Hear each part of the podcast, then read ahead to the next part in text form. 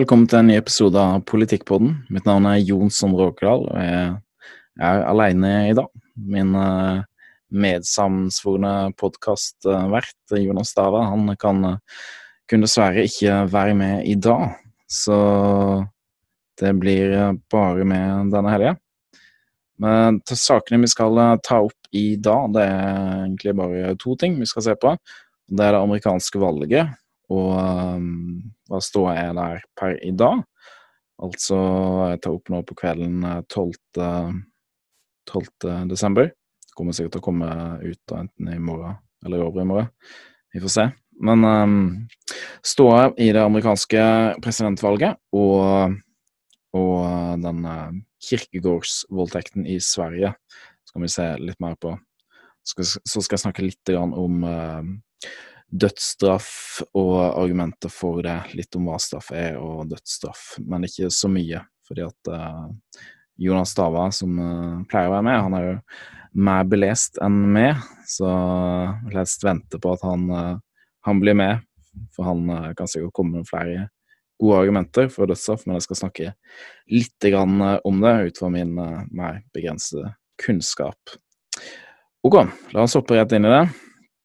Det har vært uh, mye som har skjedd. Det er to uker siden sist vi spilte inn uh, eh, podkast. Det har vært høringer, offentlige høringer uh, mange steder.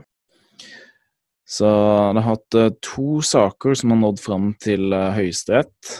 Den ene var en sak fra Pennsylvania, der noen republikanske politikere saksøkte Altså noen republikanske politikere i Pennsylvania som saksøkte sin egen stat, Pennsylvania, for å ha avholdt et, um, et uh, grunnlovsstridig valg ved at de vedtok da altså universelle, universelle poststemmer mot sin egen grunnlov der i, uh, i Pennsylvania.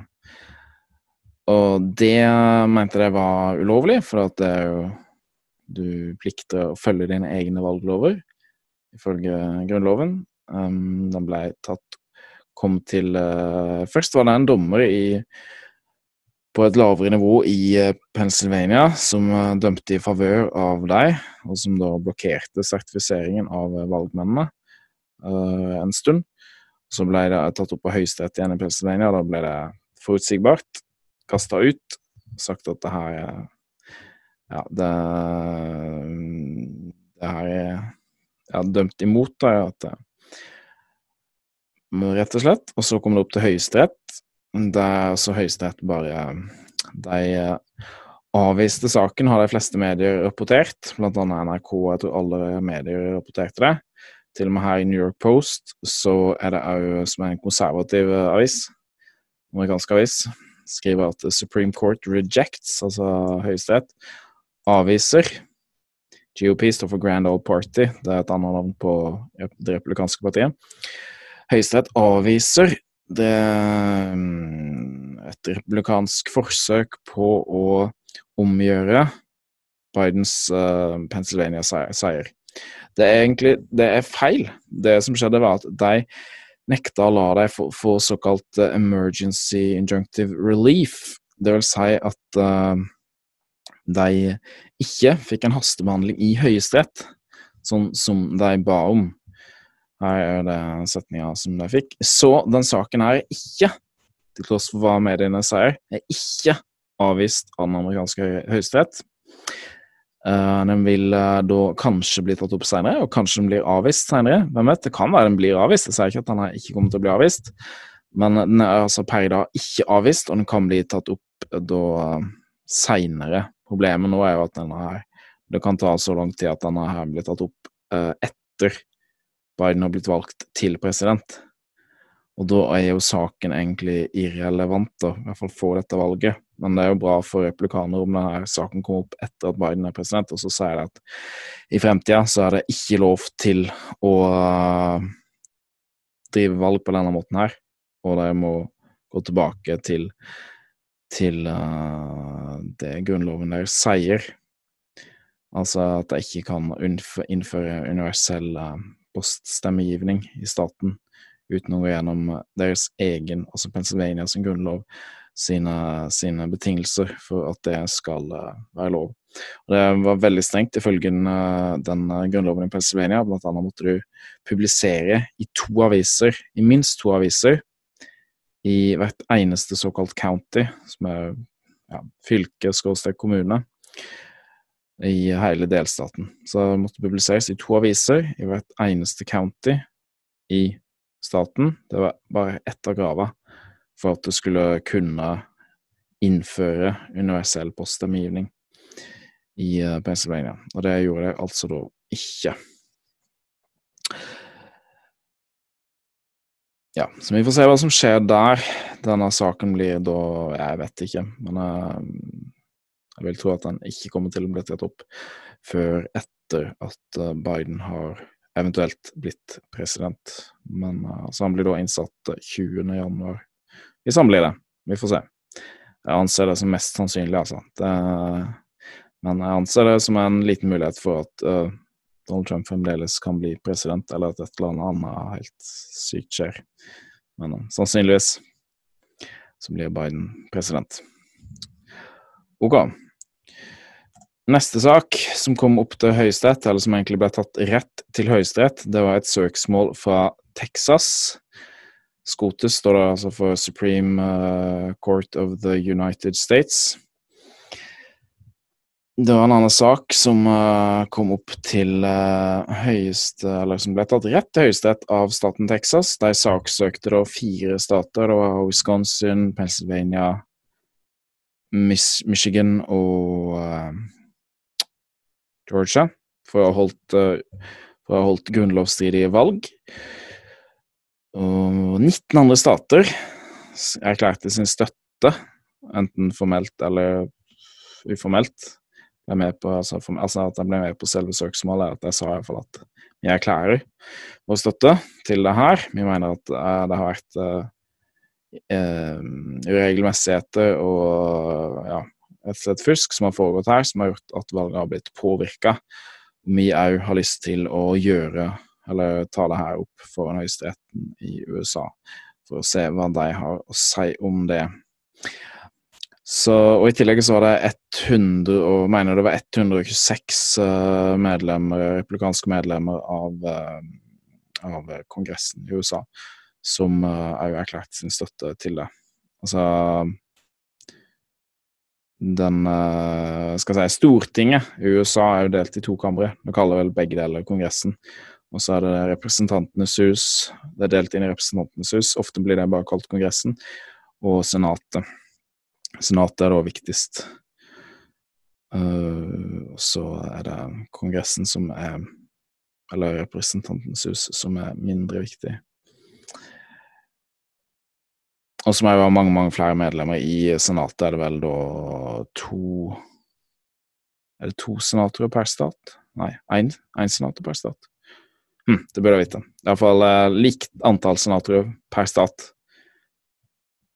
Um, mens det i uh, Jeg tror det er, to, det er to senatorer per stat. Likt antall senatorer per stat uansett folketall. Mens i representant, Representantenes hus så er antall representanter som sitter der, er vekta i forhold til innbyggertallet i staten. Ok. Iallfall det som er skal jeg si, det er jo uh, Som sagt, vi er en pro-Trump uh, pro-Trump-podkast. Så um, det syns jeg var veldig synd at ikke denne ble tatt opp. Det er ikke sånn at Høyesterett har bare avvist ta opp denne saken. Det har ikke avvist selve saken. Det har sagt at denne saken her vil uh, at de uh, Det har ikke sagt noe om, om, det de kaller the merits på engelsk. Jeg vet ikke helt hvordan jeg oversetter det på, på juridisk språknorsk. Men altså, de, har, altså, de har ikke vurdert selve saksinnholdet i søksmålet.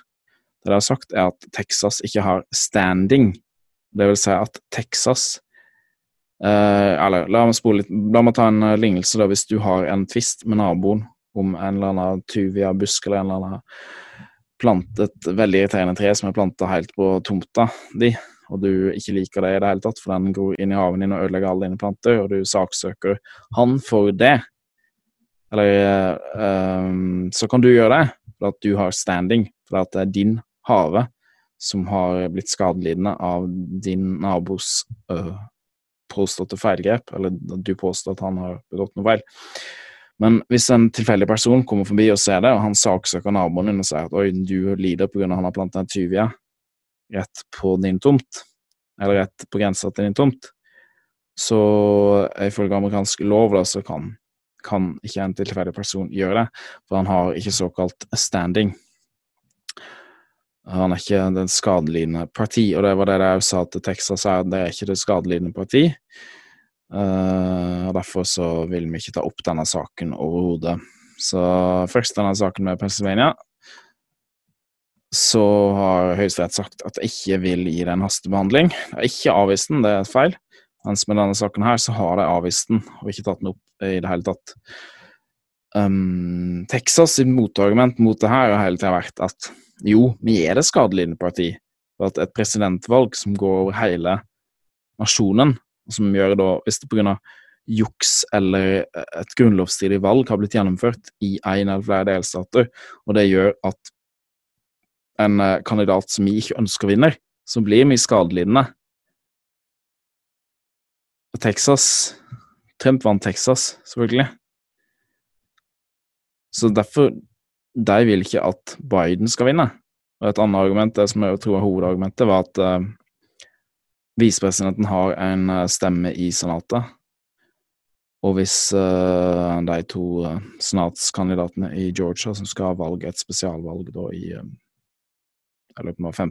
januar, begynnelsen av januar, taper, eller begge de replikanerne taper der, og det blir to demokratiske senatorer, så blir det da et, jeg tror det blir 50-50 i senatet mellom replikanere og demokrater, og da har visepresidenten rett til å stemme i Senatet, og da vil Camilla Harris, da visepresidenten til uh, visepresidentkandidaten til uh, Joe Biden, være såkalt uh, tiebreaker, og, og da kunne avgjøre alle senatsavstemninger med sin stemme. Og det var argumentet til Texas, at um, Senatet avgjør ting som har med alle statene å gjøre, og derfor så har vi standing fordi at Camilla Harris kommer da til å stemme på en måte som ikke er til favør for Texas og i tråd med Texas' interesser og ønsker. Men i alle fall, den har blitt kasta ut av Høyesterett, så vi får se hva som skjer. Uh, det som jeg ser på overskriften her, er jo at uh, nå har uh, den um, Texas GOP chair, altså styrelederen i det republikanske partiet Texas, Alan West, sier at denne avgjørelsen til uh, den amerikanske høyesterett kan kanskje altså, May call for new union of law-abiding states. At det her kan være en oppvekker, en, en, en katalysator for stater som følger den amerikanske grunnloven til å danne sin egen union, sin egen forening. Så det har vært mange som har snakka om borgerkrig lenge i USA, fordi at kulturelle forskjeller har blitt så vanvittig store mellom uh, høyresida og venstresida i USA. Kulturelle forskjellene har blitt vanvittig store, og spenningene er utrolig store. Så med det jeg sier her, nå, er at uh, han uh, Alan West foreslår da foreslår rett og slett uh, Bare lufte tanken, iallfall. Lufte tanken om rett og slett en deling av USA. Og det var 19 stater som heiv seg på det, søksmålet til Texas, og så har de støtta det. Det er 50 stater til sammen, det er nesten halvparten av statene. Og den ble tatt opp ganske fort. Det hadde kanskje vært flere hvis det var uh, hvis det, var, uh, hvis det hadde tatt litt lengre tid før den ble avvist. Kan være det var flere i 19 òg til slutt, men det var 19 var det siste tallet jeg så. Så Det Ja, det var det her. Så det Vi får se hva som skjer. Vi får se hva som skjer. Det Jeg håper ikke på en deling av USA, men jeg ser jo at det, spenningen har blitt så enormt store der, så vi får se hva, hva som skjer. Et stort problem er jo uh, at mange stater er jo praktisk talt røde. Nesten alle stater er, jo, helt røde, unntatt det store, altså røde, det vil si republikanske, for det røde fargen til det republikanske partiet i USA, og blå til det demokratiske partiet. Men nesten alle stater er sånn, dem, sånn geografisk sett røde. Nesten hele området, til og med staten New York og staten California, er stort sett røde, selv om uh, aller, aller fleste stemmer demokratisk. Det er fordi at det er storbyene som er demokratiske. Men uh, landsbygd er jo ikke det.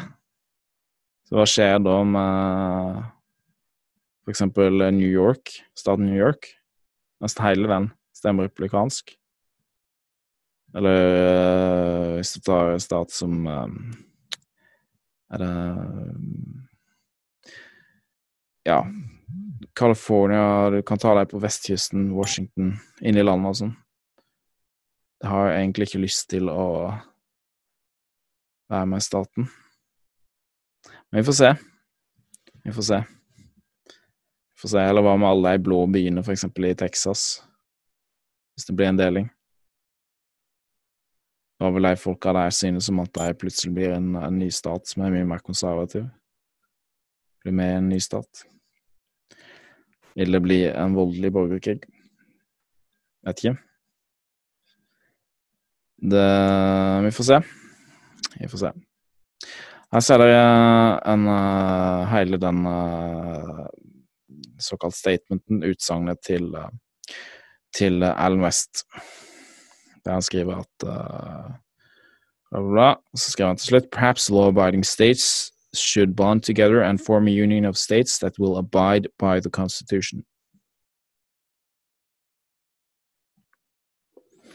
Det er noen som sier nå at Oi, se her, det må jo bety at det her er over. Det her er over. Nå, nå, nå har Trump tapt, definitivt.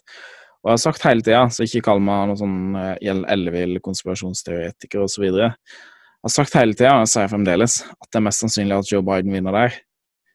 Men jeg tror fremdeles det er en realistisk mulighet for at Trump kan vinne, eller at Joe Biden ikke blir president. Grunnen til det er at det, det er kreftene som her er utløst ved alle de høringene som har vært. Når det har vært høringer uh, som det er to, to uker siden sist vi har, har hatt episode, men det har vært høringer i, i Pennsylvania, i Arizona, i Wisconsin, i Georgia. Og det er høringer der det kommer fram veldig mye graverende ting. I Georgia, blant annet, så var det jo en, en video der du ser at uh, valgobservatørene blir kasta eller blir sendt hjem. Da ser de at nå er vi ferdig med å telle for kvelden. Um, så sender alle valgobservatørene hjem. Og så, etter at de er ferdig da med Eller etter at de har sendt alle valg, valgobservatørene hjem, så drar de fram noen uh, plastbokser fulle av stemmesedler fra under et bord, og begynner å kjøre deg gjennom uh, maskinene sine, automatiske telemaskinene. Og det iallfall ser ut som, ut fra videoen, at på en telemaskin at de kjører gjennom samme stemmesedlene tre ganger. Det her er ikke konspirasjonsteorier. Altså, jeg har sett faktasjekkere prøve å bortforklare det her. Det står en sånn advarsel på Facebook om å klikke deg gjennom og sånne vanskelige som å se videoen. Og hvis du deler den på sida di, hvis du har en side, så vil de uh, gjøre at rekkevidden din blir kortere. Hvis du deler nok såkalt fake news ifølge Facebook, så vil det fjerne all rekkevidde. Du vil ikke nå folk lenger når du poster. Så hele opplegget er bare absurd. Men det, det, det, det, big, altså det tech-gigantene og media forteller deg når du sier at se på den videoen her, det er åpenbart eller Det kan jo være noe annet som skjer, men det som er iallfall det som er, virker mest sannsynlig når du ser på her, er at de, de rett og slett trekker De sender igjen valgobservatørene trekker fram masse valgsedler som de har gjemt, og teller de her tre ganger gjennom maskinene. Og det var de minst to timer To timer, minst, teltet. Og det har blitt noen som har regna på det, da jeg kunne rukke da å det tre maskiner og telle gjennom 24 000 stemmer. Og Trump tapte Georgia med noe 12 000 stemmer. Ja, 12 500 stemmer, cirka noe rundt der. Så selve den hendelsen her kan ha flippa valget i Georgia. Og det er ikke en sinnssvak teori å påstå det. Absolutt ikke. Det virker som en ganske plausibel teori. Ok, greit, kanskje noe annet har skjedd. Men hvorfor i alle dager kasta de ut, eller kasta ikke ut, sendte de hjem valgobservatørene til å begynne med, og så, ta, så telte videre? Det virker jo suspekt i seg sjøl. Kjempesuspekt. Og de, de faktasjekkteoriene jo sånne kjempe, ofte sånn kompliserte, lange teorier. Altså det, det, det, det med det valget her, og i alle VIP-statene er det mangelen på, mangelen på transparent transparens, eller hvordan det uttales. Ja, jeg har glemt hvordan det uttales. Men iallfall mangelen på gjennomsiktighet, da, for å bruke et mer norsk ord. Mangelen på gjennomsiktighet. I uh, Michigan var det vel, òg i um, lurer på noe i Detroit eller et annet sted, der de tok, uh, tok uh, papp, pappesker foran vinduene Uh, mange steder i Michigan og Pennsylvania ble valgobservatørene, valgobservatørene rett og slett bare kasta ut. Heller ingen konspirasjonsteori. Vi vet at det skjedde.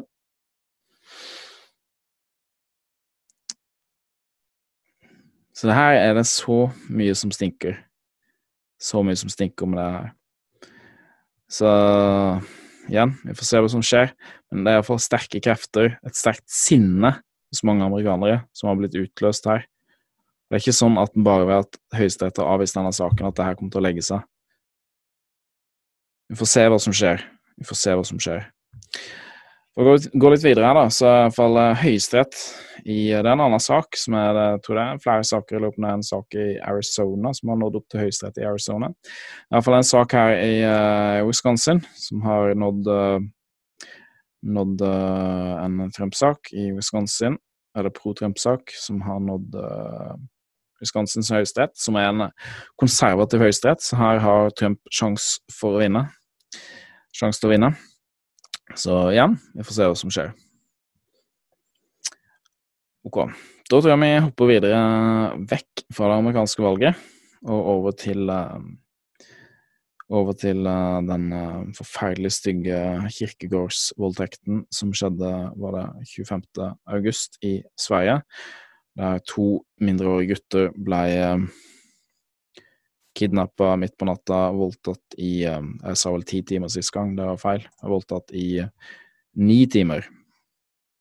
Jeg Torturert. Den ene gutten ble voldtatt, og ble, begge ble torturert. Den ene gutten ble voldtatt analt med pinner. Uh, det her foregikk da i ti timer.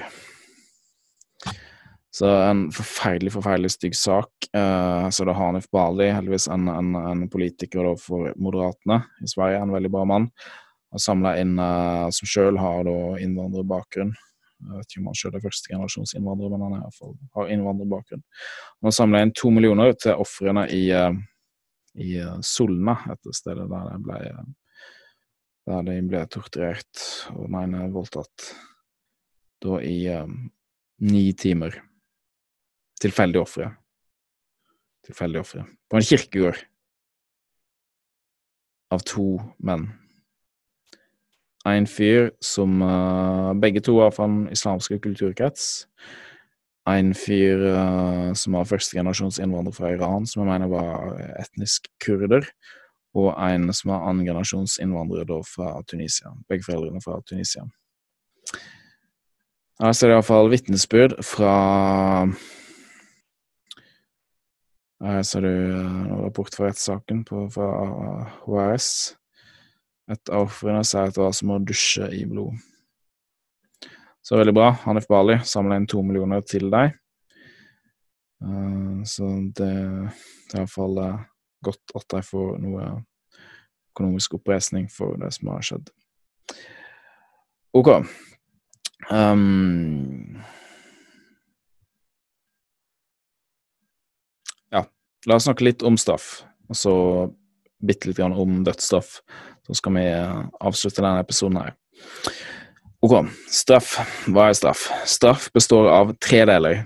straff skal være retributiv. Det vil altså si at det er en gjengjeldelse i straff. Det, hva du får i straff, skal stå i forhold til hva du, um, hva du har gjort. Så den skal være retributiv, eller altså gjengjeldende. Og den skal være avskrekkende. Den skal fungere sånn at den avskrekker både den som blir straffa for å gjøre det om igjen, og den skal avskrekke uh, andre folk fra å begå, samme, fra, fra å begå det samme lovbruddet. Så Derfor er det faktisk et poeng at straffen skal være litt streng, for at den skal virke avskrekkende. Så den skal være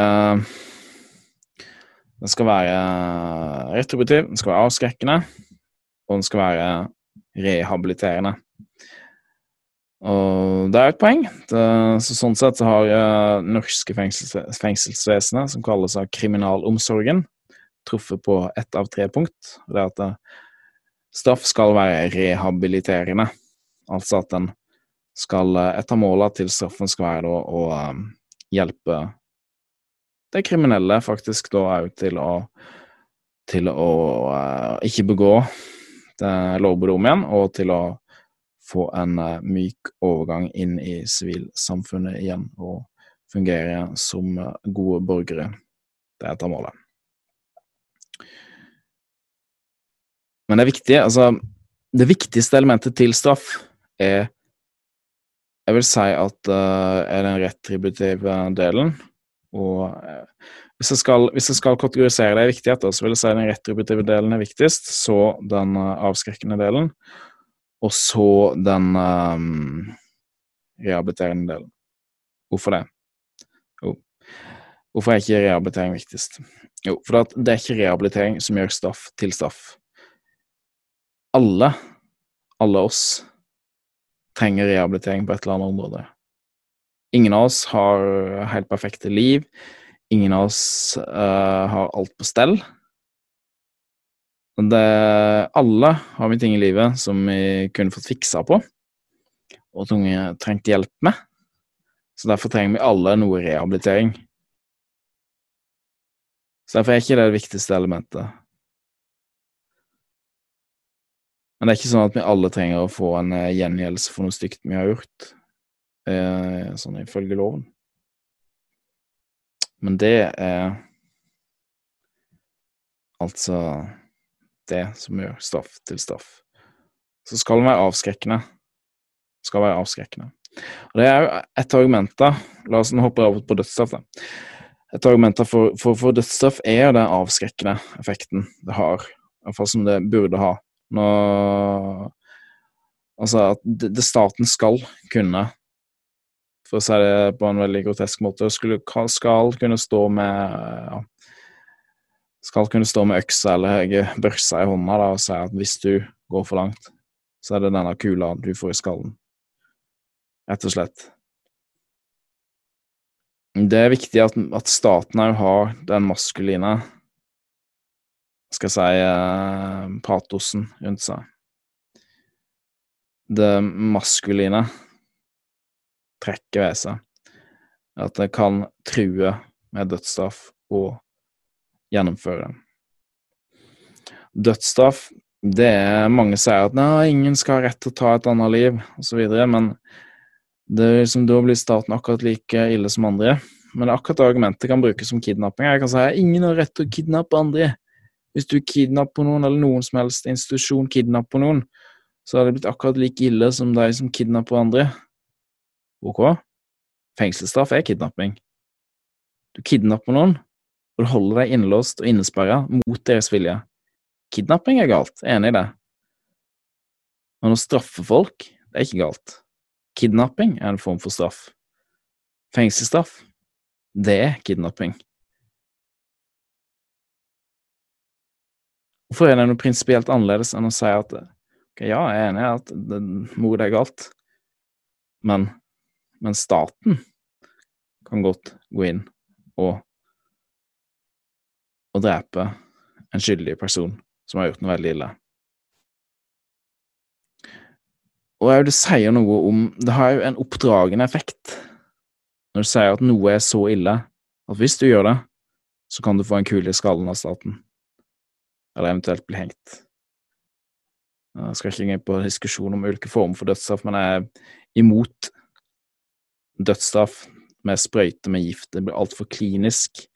Du har ikke det brutale elementet ved det. Elementet ved det. Du skal ha noe brutalt element ved det. Så, samtidig så er det faktisk mer brutalt i, i, praksis, men det virker mindre brutalt med sprøyta. Der kan alt mulig gå galt med ja, at uh, ikke folk dør skikkelig av det, som sånn at du dør mens du er en grønnsak, da. Mens med en mye mer verdig måte å dø på er, vil jeg si, ved henging, da. Med, ikke med kvelningshenging, men ved henging der du detter ned fra en luke og i en ja, tre-fire-fem meter i lufta, altså strammer tauet seg, knekker nakken. Eller med skyting.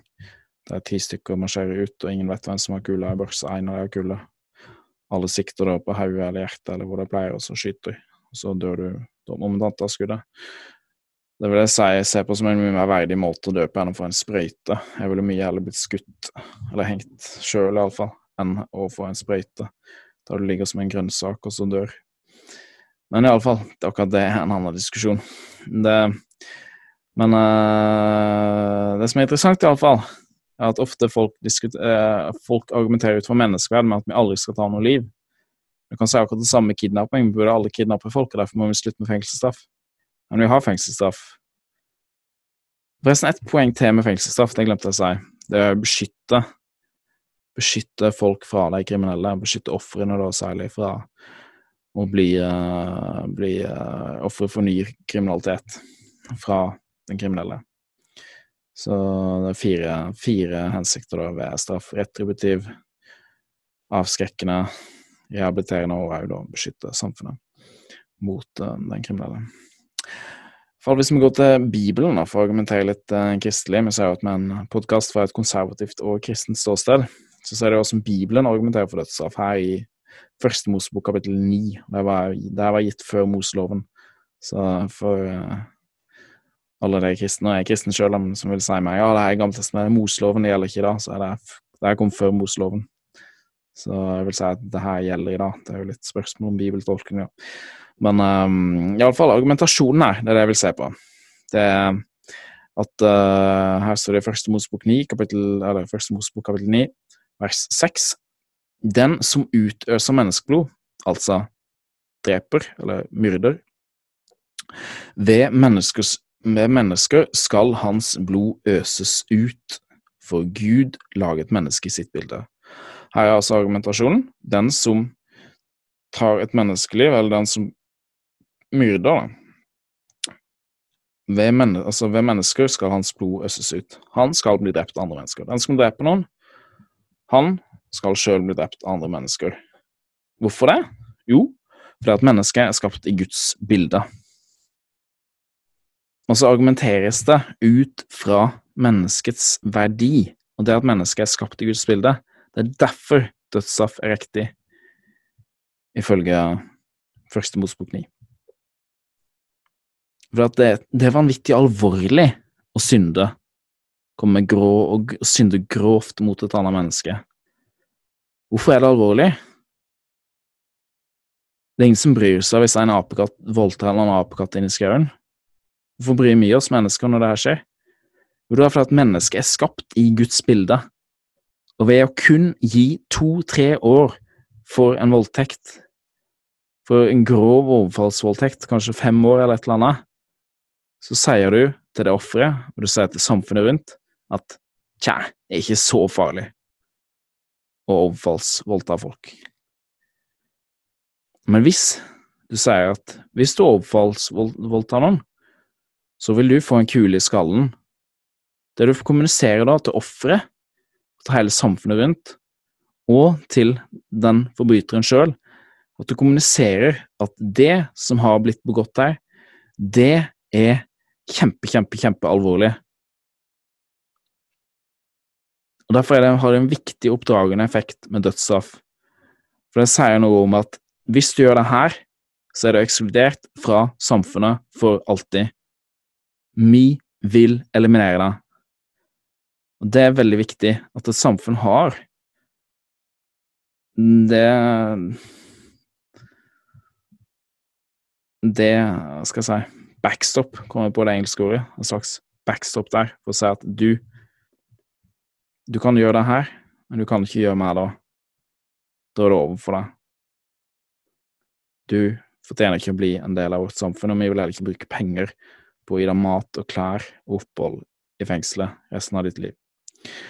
Men det siste argumentet da, så er jo standardargumentet tilbake. og Da det kostet mye mer penger, sett fra saker fra USA, det koster mye mer penger å henrette folk enn det koster å gi deg livsvarig fengsel. Og det kan godt være, men da betyr det bare, da betyr det ikke at det er noe, da betyr det ikke at egentlig dødsstraff i seg sjøl koster mer penger, det betyr bare at systemet rundt dødsstraff i USA er altfor dårlig. At du har altfor mange ankemuligheter, sånn at det blir altfor store advokatutgifter. Så det er bare å gi det mindre ankemuligheter, og så kan du heller begrense sakene for hvor det er mulig å bruke dødsstraff. Sånn at du kan uh, forhindre rett og slett at uskyldige blir henretta ut fra at du begrenser hvilke saker og hvilke former for bevis som, som du må ha ved bruk av dødsstraff. Så det vil være min måte å, løse det praktiske problemet der. Men uh, neste gang når Jonas er her, så skal vi, skal presentere, skal vi presentere flere argumenter for dødsstraff. Han kan sikkert uh, omvise dere enda litt mer enn det jeg kan om hvorfor dødsstraff er korrekt. Yes, da tror jeg vi sier takk for nå. Så takk for at dere hørte på. Og så får dere ha en uh, god helg videre. Jeg tror det blir én nyhetsepisode til før nyttår. Uh, så får vi se eh, etter nyttår om vi kommer til å eh, Vi vil tro at vi kommer til å kutte ned til én gang hver 14. dag, rett og slett. For vi har rett og slett ikke tid til mer. Men uh, beklageligvis. Men uh, får se. Kanskje noen andre arbeidsforhold endrer seg for noen av oss, sånn at vi får tid til mer. Men vi får se. en annen sak er forresten at YouTube har annonsert at de vil begynne å fjerne videoer der det kommer påstander om valgfusk. Nå er vi en såpass bitte liten kanal at jeg tror ikke de vil legge merke til oss, men uh, det kan jo være. Så derfor har jeg um, vurderer Eller egentlig tror jeg ganske sikkert at jeg vil flytte hele kanalen over til Rumble. Eller publisere både på YouTube og på Rumble.